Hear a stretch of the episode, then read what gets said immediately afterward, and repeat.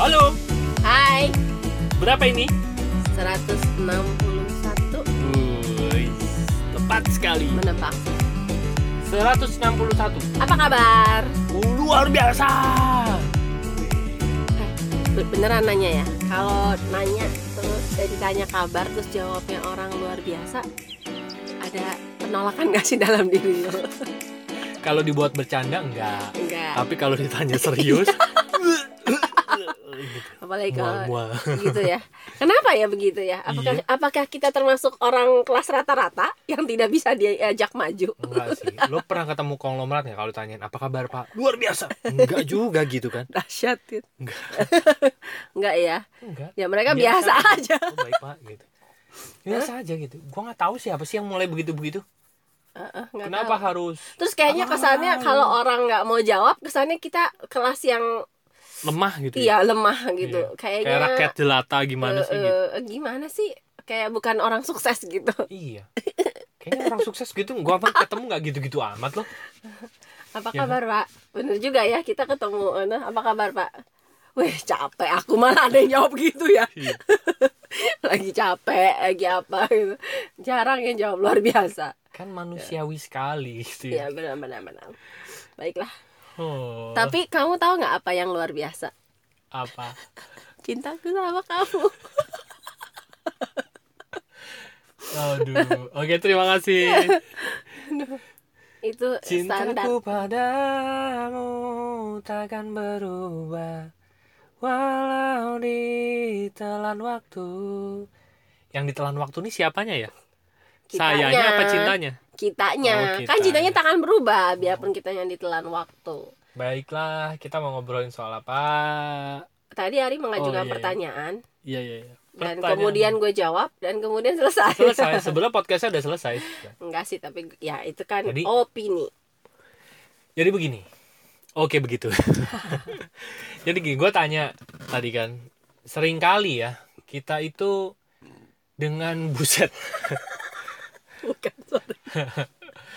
Eh, semoga kedengeran ya tadi ya. enggak lah enggak kedengeran Kedengeran itu pasti. masa sih Iya nggak tahu. coba nanti. nanti itu Nah. ya. Gue tuh Itu piaraan eh, gue. sering kali ya ada satu peristiwa yang dialami dan kita mendapatkan nasihat yang berbeda versi masing-masing yang kita mintain nasihat. oke Gue kasih contoh aja, misalnya. yang gampang ada orang kena darah tinggi dia datang ke dokter. Dok saya darah tinggi. Apa yang dilakukan dokter? Ya diperiksa periksa periksa dikasih obat penurun tekanan darah. Ya atau pengencer darah biasanya pengencer kan. darah. tapi kalau dengan peristiwa yang sama orang darah tinggi datang ke tukang akupuntur. Eh sorry bukan tukang ya. Apa? Iya sama lah, boleh lah ya Nggak, dibilang soalnya- tukang. soalnya yang ada di benak gua itu kayak Tukang- paku yang ditusuk-tusuk gitu. Jadi kayak tukang maku gitu. kan Ahli Ya, akupuntur. ke, ke ahli akupuntur. Maaf ya. Praktik nggak apa-apa. ke ahli akupuntur. Apa yang mereka lakukan? Oh, ya mereka nggak apa-apa. mereka akan bilang oh ci anda berantakan. Oke saya akan akupuntur. Ditusuk tusuk tusuk tusuk seperti itu. Nah lo datang lo datang lagi misalnya ke temen lo yang jalanin MLM dan punya produk kesehatan. Lo tentu akan di- saja. tentu saja dia akan bilang oh pakai produk ini aja. Produk ini bagus. Banyak sekali yang sembuh turun tekanan darah tingginya gara-gara produk ini gitu ya. Ya, tentu saja. lo datang lagi ke orang yang eh, tukang jualan sendal kesehatan gitu ya Ya. lo akan bilang oh itu pembuluh darahnya nggak lancar pak. Pakai sendal kesehatan ini nanti pembuluh darahnya bakal lancar gitu. Nah dengan satu peristiwa yang sama darah tinggi nasehatnya bisa macam-macam untuk menyembuhkannya Belum kamu ke tukang urut. Oh, ini Iya. ada yang salah ini. oh Makanya ini ada yang merengkel nih ada yang merengkel karena merengkel jadi apa menyumbat gitu ya. Iya. Jadi karena itu tekanan darahnya jadi naik. bener nah terus lo lo begitu ya. cari banyak kayak lo cari ahli makanan ahli apa nasehatnya pasti akan beda-beda lagi Ke hipnoterapis pasti beda lagi. oh, oh, ini psikosomatis Iya. gitu kan Mungkin ada luka emosi. Iya, segala macam gitu. Nah, yang paling enak itu lo minta nasihat ke temen lo yang santai, temen lo yang kampret. Aduh, gua darah tinggi nih. Ya udahlah duduk sini kita ngopi, ngobrol dah. Kalau di sini nggak ada tekanan darah tinggi, nanti kalau lo balik lagi ke laboratorium baru ada gitu. Makanya makanya jangan cek Jangan jangan cek lo ngapain ngecek ngecek. Nah, itu kan pusing. Padahal Nah. orangnya itu lo kalau ketemu temen lo yang kampret ya. Nah dengan satu peristiwa yang sama akan keluar nasihat yang berbeda. Nah pertanyaannya adalah mana yang kita ikuti sebetulnya? Iya kan? Nah, itu satu nasihat tentang darah tinggi. Ada banyak kita kan punya banyak persoalan hidup dong ya kan? Ya. tentang apa? Tentang keuangan tentang hubungan tentang apa pun itu. Peristiwanya sama tapi lu minta nasihat ke banyak orang responnya bisa beda-beda gitu. Nasihatnya bisa beda-beda. Pertanyaannya adalah mana yang kita ikuti? Silahkan Sifu Loh kok gue sih? Tadi Ari yang melontarkan pertanyaan. Terus Iya. ditanya begitu gue mikir Gimana Nah. apa ya? Nah menurut gue adalah Jawabannya mana yang harus diikuti? Balik lagi ke orangnya. Mana yang paling bisa menimbulkan rasa percaya bisa sembuh Hmm, Kalau yang tekanan darah tinggi tadi iya. Mana yang dia paling yakini gue bahwa percaya sama temen gue yang kampret bahwa ini bisa bisa menyembuhkan gua karena sebenarnya tubuh kita itu kan punya mekanisme bisa menyembuhkan dirinya sendiri. Heeh. Cuma tinggal bagaimana kita mengaktifkan itu gitu loh. Apalagi dari pikiran dan perasaan. Kalau kita udah ketemu satu nasehat yang klik dan kita bilang, "Oh, oke, ini kayaknya gue bisa nih." Kita Hmm. sembuh kok gitu. Nah, Iya. menurut gue sih sebenarnya bukan menurut gue, menurut dari apa yang gue pelajari, Iya. gue mengambil Dengan kesimpulan sekarang ya. mengambil kesimpulan bahwa sebenarnya yang menyembuhkan adalah pikiran dan perasaan kita sendiri cuma Hmm. kita perlu pemicu dari luar mana yang bisa menimbulkan pikiran dan perasaan bisa sembuh itu karena Hmm. sering kali eh, kita nggak punya perasaan itu. Harus ada yang memicu baru itu muncul dan akhirnya kita sembuh. Jadi sebenarnya kalau menurut gua kita sembuh sama diri kita sendiri kok. Imanmu yang menyelamatkanmu. Nah Woi, gitu ya. menggetarkan sekali kan? Imanmu yang Gitu. menyembuhkanmu. Apa Iya. imanmu yang menyelamatkanmu ya? Ada yang menyelamatkan ada yang menyembuhkan. Iya iya gitu. Jadi betul. nasehat keluarga keuangan hubungan penyakit benar balik lagi mana yang paling membuat kita merasa yakin? percaya? Iya. Betul. Nah sekarang gini dengan berbagai macam nasihat itu pasti akan ada banyak sekali konflik diri gitu. M- m- kayaknya kata konflik diri nggak nggak tepat deh. Yang mana tuh banyak maksudnya? banget suara-suara di dalam diri yang akhirnya tidak sepakat gitu. Kayaknya ini bagus deh kayaknya ini bagus deh ini bagus deh gitu. Pada saat kita melakukan sesuatu hal gitu ya satu jalan akhirnya suara-suara yang lain itu berisik gitu. Ya karena belum menemukan kesepakatan. Mufakat. Iya. Mufakat itu penjahatnya. Eh mufakat itu bapaknya Mufasa Simba Mufasa. Oke mufakat. Iya ya gitu ya. Nah menurutmu gimana caranya supaya kadang-kadang kan orang banyak yang galau kan? Kayaknya ini bagus deh ini bagus deh ini bagus deh ini bagus deh. Menurutmu gimana untuk bisa membuat kesepakatan diri membuat si kayaknya bapaknya kita Simba tadi. Kayaknya kita udah pernah bahas ini belum sih? Gue takutnya orang udah pernah denger gitu. Terus kok ini lagi gitu. Karena memang itu doang gitu. Menurut apa jawabannya? Menurut gue ya balik lagi ngobrol sama diri Diri, ya. Kita adalah tuan dari pikiran kita jadi Hmm. suara-suara itu suara dengarkanlah aku kita itu penengahnya apa kabarnya oke oke kita itu penengahnya oke kita itu kepalanya kayak Hmm. Oke, tujuan kita tuh A. Dari suara-suara ini, coba oke, oke. kita dengerin mana yang paling mendukung ke tujuan A, yang nggak mendukung, tolong diem dulu gitu. Karena Hmm. kita sepakat dulu kita mau ke tujuan A. Itu dulu yang disepakati sama diri kita sendiri, Hmm. menurut gue. Oke, terima kasih. Kalau Dan podcast cuma kali ini sudah berakhir.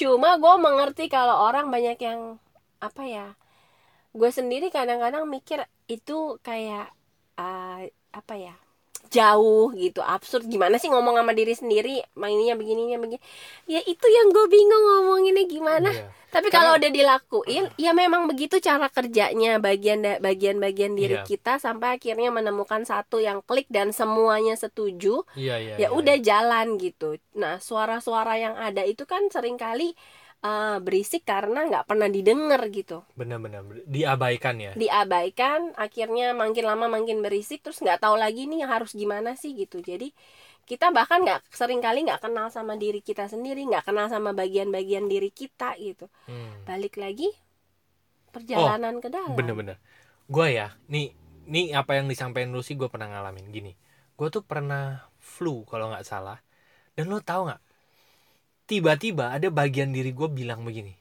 gue pengen pizza dong gitu. Dan gue makan pizza semu loh. Iya karena eh, nggak tahu kenapa gue bener-bener pengen pizza abis makan pizza tuh gue bener-bener sangat sangat membaik gitu sangat Ya. lebih baik gitu. Nah pernah juga gue lagi nggak enak badan terus diri gue bilang gue pengen bakso gitu. Ya gue makan bakso nih lagi sakit-sakit makan bakso. Setelah gue makan bakso istirahat kurang sebentar gitu ya abis itu jauh membaik. Iya. Sangat membaik gitu. Dan gue Betul. gue sering mengalami hal yang seperti itu berkali-kali. Mm-mm. Lucy juga pasti eh, pernah ngalamin. Kalau apa pun itu gitu ya gue lagi eh, makanya kalau kita lagi sama-sama misalnya nggak enak badan mm-mm. atau anak-anak bodinya pengen mau apa, apa, nih pengen apa ya pasti kita akan bantu untuk ya udah maunya apa gitu kan. Iya terus eh, sering lagi kayak kemarin gue flu gitu ya gue lagi pengen sering-sering minum air jeruk. Jeruk anget lebih tepatnya gitu. Sering banget gue mau makan di warteg mau makan di mana pokoknya jeruk anget gitu. Tapi se abis selesai itu gue udah nggak pengen lagi.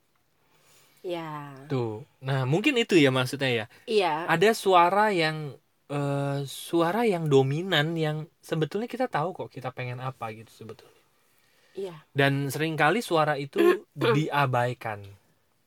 Karena ada banyak suara yang sering kali permintaannya itu bisa menimbulkan eh, apa ya bisa menimbulkan ketidakenakan. Contoh. Misal contoh misal gini ya. Orang tua yang sakit karena ingin eh, dekat dengan anaknya. Mm-mm. nah, dia udah tahu sebetulnya suaranya itu nyaring di dalam dirinya dia pengen anaknya ada di sini. Cuman dia merasa sungkan untuk mengungkapkan hal itu. Nah dampaknya adalah suara itu tidak tersampaikan. Bahkan sering kali dia mereka menyampaikannya dengan sangat sangat apa ya sangat tidak jelas gitu. Mungkin nggak pakai emosi nggak pakai perasaan nyampeinnya dan akhirnya pesan itu informasi itu nggak nyampe ke anak-anaknya. Oke. Nah, ada banyak contoh-contoh yang seperti ini. Kita tahu sebetulnya suara kita pengen apa gitu. Nah, dan juga begini menurut gue ya. Kita tidak terbiasa untuk menyampaikan informasi dengan benar, dengan baik dan benar. Makanya gue pribadi kan lagi ikut eh, public speaking, kelas online public speakingnya Panji itu. Gitu ya. Dia ngomong bagus banget loh. Kita tidak terbiasa menyampaikan informasi dengan baik dan benar. Makanya sering terjadi miskomunikasi. semalam saya baru mengalami kejadian kecil Hah? dan kamu juga pasti nggak nggak sadar Apa tuh? waktu ada kecoa kamu keplakan di Iya. dapur Hah. terus habis itu kan bilang sama mama itu ada bekas pukulan kecoa Heeh. terus kamu udah ke dalam tuh Iya. si mama menggumam di dapur eh Ari nyapunya pakai sapu yang mana ya? Ya jelas kamu udah nggak denger kan? Kamu udah di dalam. Heeh. kalau terus si mama melanjutkan kalau nyapu kecoa pakai sapu yang ini. Kan kamunya nggak denger. Nah terus? Iya maksud saya gimana? Lain kali kamu mau tahu kalau Oh, sapunya iya, iya, iya. itu kalau nyapu pakai yang ini. Dan saya perhatikan lumayan sering gitu.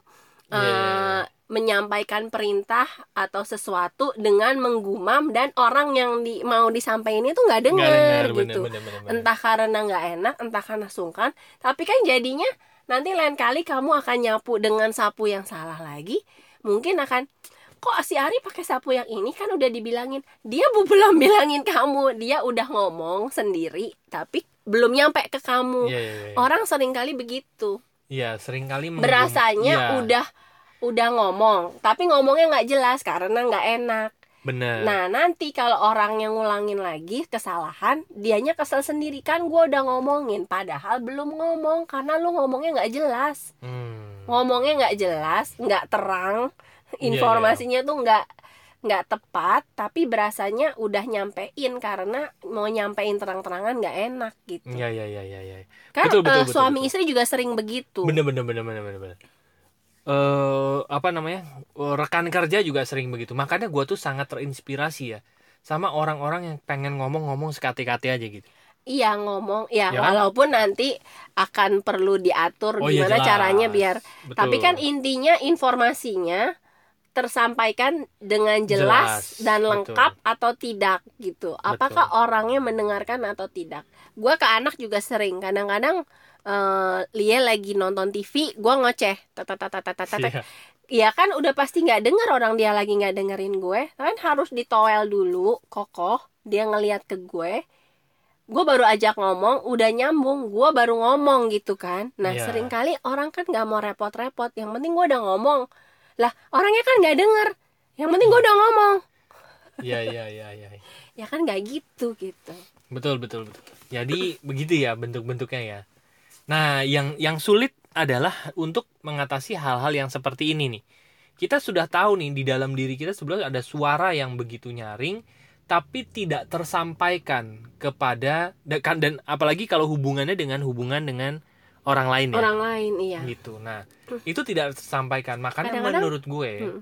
untuk kasus yang ini belajar berkomunikasi itu penting. Komunikasi itu wah bener-bener eh, satu hal yang satu hal yang bener-bener bisa buat membuat membangun orang buat menyakiti orang itu juga bisa. Komunikasi itu satu cara yang bisa sebenarnya menyederhanakan banyak hal dalam hidup. Betul. Kalau komunikasinya lancar dan jelas betul. dan tepat. Bener.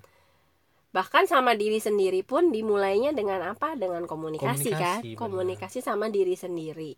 Banyak masalah eh, dalam hidup sebenarnya cuma gara-gara komunikasi sama diri sendiri betul belum beres betul ditambah lagi komunikasi sama orang apalagi belum beres juga Benar. jadi sebenarnya ujung-ujungnya kan ya udah berkomunikasi. Makanya Panji eh, bilang benar menurut Ah, gua. Jadi eh kalau orang bilang ah itu mah cuman ngomong doang. Ingat loh, itu cu- bukan cuman ngomong doang gitu. Ki- kalau kita eh, kita ngomong gitu ya. Ngomong itu bener-bener bisa menyelesaikan masalah atau membuat masalah bi- malah bikin rumit gitu. Kenapa? Karena apa yang kita sampaikan sama orang nangkepnya itu bisa beda. Tergantung cara kita berkomunikasi sekali lagi. Karena komunikasi dengan si A itu beda. Komunikasi dengan B beda. Tiap orang itu punya tipe komunikasinya sendiri-sendiri. Makanya menurut gua apa pun apa pun profesi kita, bahkan kita tidak berprofesi pun gitu ya. eh, kemampuan atau skill berkomunikasi dengan orang itu penting. Kenapa? Karena itu menyangkut diri kita nanti tentang kesehatan, tentang hubungan, tentang apa pun gitu ya. Itu memang dimulai dari komunikasi. Jadi ingat kuis dulu. Komuni, kamu tahu? iya tepok-tepokan Iya, komuni itulah.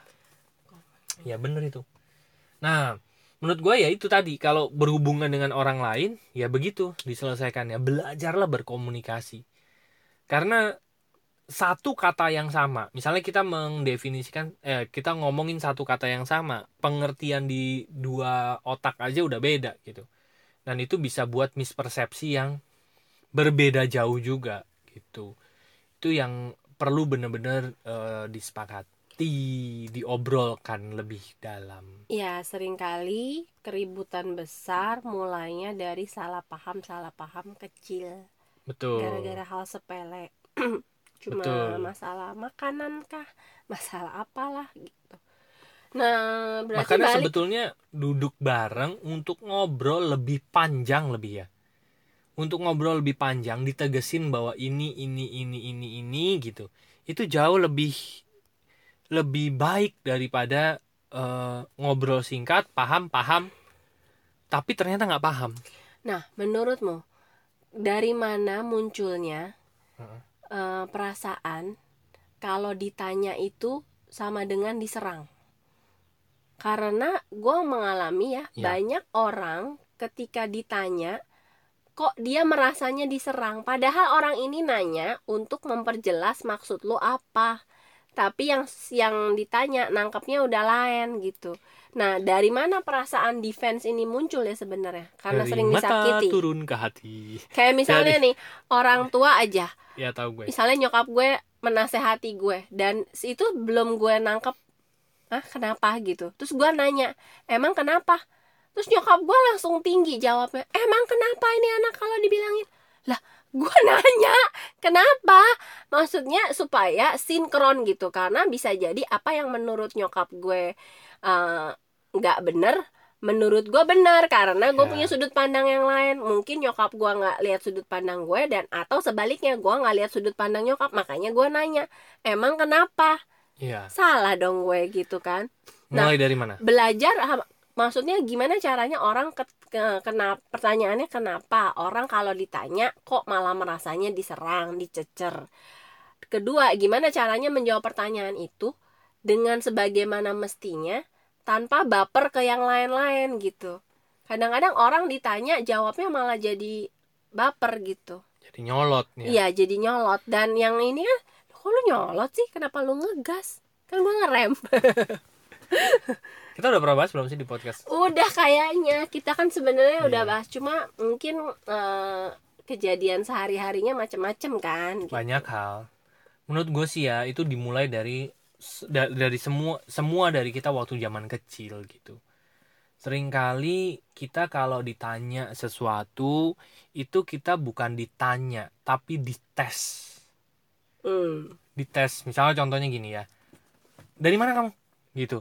Main ya? Tuh kan. Itu kan bukan ditanya, dihakimi namanya. Dihakimi. Iya kan? Oke. Itu sering loh gitu. Anak-anak eh, Oke.